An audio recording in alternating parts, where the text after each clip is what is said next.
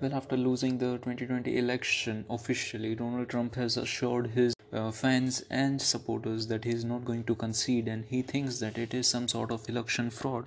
And that's why he has uh, recently tweeted and let me quote his tweet now. I understand that people don't like me and don't want to see me as president anymore but what if I like myself? And what if I want to see myself becoming president again?